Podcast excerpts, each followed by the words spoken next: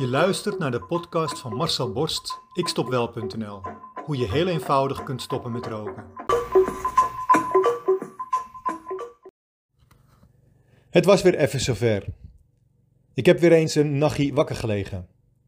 Vier dagen geleden ook al. Ik heb de klok op één uur zien staan, maar ook op twee uur en drie uur. En zelfs vier uur heb ik voorbij zien komen. Ik zie het niet alleen, ik hoor het ook.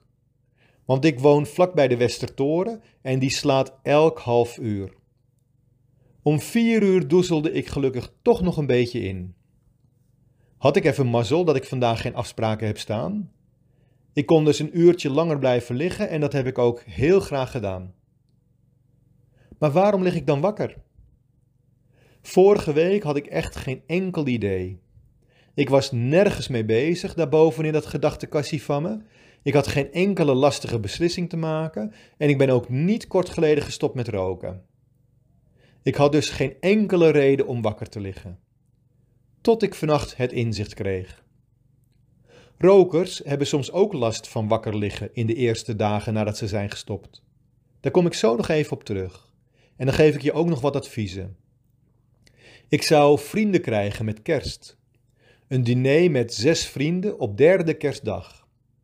Maar toen kwam Rutte met zijn extra maatregelen. Nou, dat is even lekker. Daar gaan de plannen. Het zijn vrienden die, net als ik, de hele dag alleen thuis aan het werk zijn en op de appie na eigenlijk nergens komen. Het zijn vrienden die, net als ik, de coronaregels allemaal naleven. Omdat ze allemaal, net als ik, volledig afhankelijk zijn van hun gezondheid om als zelfstandigen hun brood nog een beetje te kunnen verdienen. Als wij ziek zijn, komt er geen geld meer binnen. Wij hebben geen baas die ons dan doorbetaalt. Wij hebben geen ziektewet die ons doorbetaalt. En dus moet ik de groep nu maar verdelen in twee keer drie vrienden. Twee dagen achter elkaar. Met twee stellen en twee vrijgezellen is het best wel lastig om te combineren, zeker omdat we bij elkaar juist een hechte vriendenclub zijn.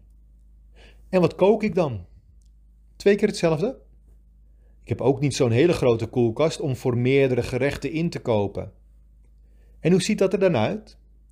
Welke borden en glazen en kopjes gaan we dan gebruiken? En de belangrijkste vraag: komt het wel goed met de gerechten die ik wil koken?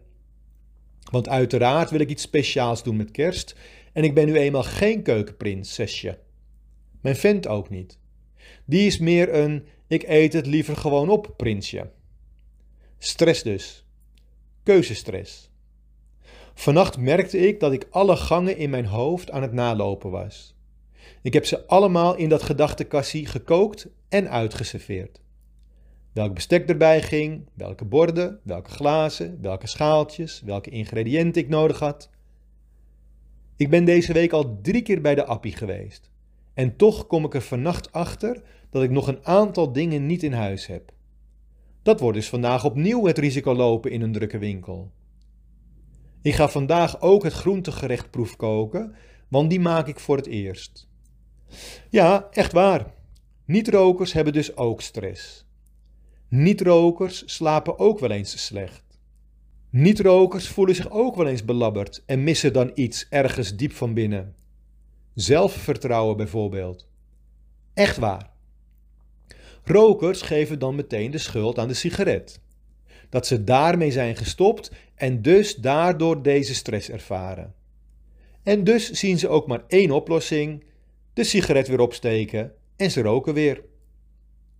Ondertussen hebben ze niet door dat de stress die ze dan wegroken, de stress is van de eerdere sigaret die ze ook al hebben opgerookt. Dat de stress van het dagelijkse leven, die wij niet-rokers ook voelen, gewoon aanwezig blijft en dat je die niet weg kunt roken. Alleen de stress van de vorige sigaret, die kun je wel wegroken. Maar dat rustige gevoel, wat je dan krijgt, duurt meestal maar een paar seconden. Rokers hebben dus oogkleppen voor. Mijn advies, als je net bent gestopt met roken en je slaapt een paar dagen slecht, is dus heel eenvoudig. Dat slechte slapen komt omdat je hele lichaam opeens in de schoonmaakstand gaat staan. Mien Dobbelsteen ziet haar kans schoon om nu in één keer al die aderen en cellen en haren en nagels en tanden te ontdoen van al die gifstoffen die jij normaal naar binnen zuigt, maar nu niet meer. En dus pakt Mien Dobbelsteen haar emmertje water en schrobt je hele lichaam schoon. Ze is zo fanatiek dat ze dit 24 uur per dag volhoudt, meerdere dagen achter elkaar als je net bent gestopt met roken. En dat kost energie. Dat kost jouw energie. En daarom lig je wakker. Maar dat duurt ook maar een paar dagen. Want als de ergste vervuiling is opgelost, als alle koolmonoxide uit je lichaam is verdwenen, dan neemt ze even pauze en gaat een versnelling terug. Dan kun je opeens weer gewoon lekker slapen en gaat ze overdag verder met de schoonmaak. Omarm het dus. Het is een goed teken. Je lichaam maakt zichzelf schoon. Je wordt dus weer gezond.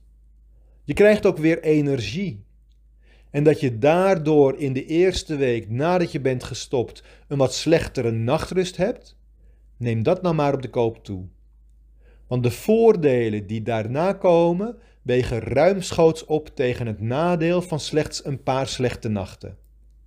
En meestal duurt ook dat niet langer dan een nacht of drie. Ik denk dat ik vanavond ook weer goed slaap. Waarom? Omdat dan wel alle ingrediënten in huis zijn en ik dan wel heb proefgekookt. Wat uiteraard goed gaat komen, want waarom zou het niet lukken?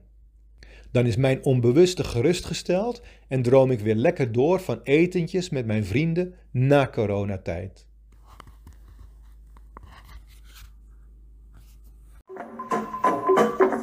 Wil jij ook stoppen met roken? Wil jij jouw rokende collega's van het roken afhelpen? Kijk dan op mijn website ikstopwel.nl en neem contact met mij op.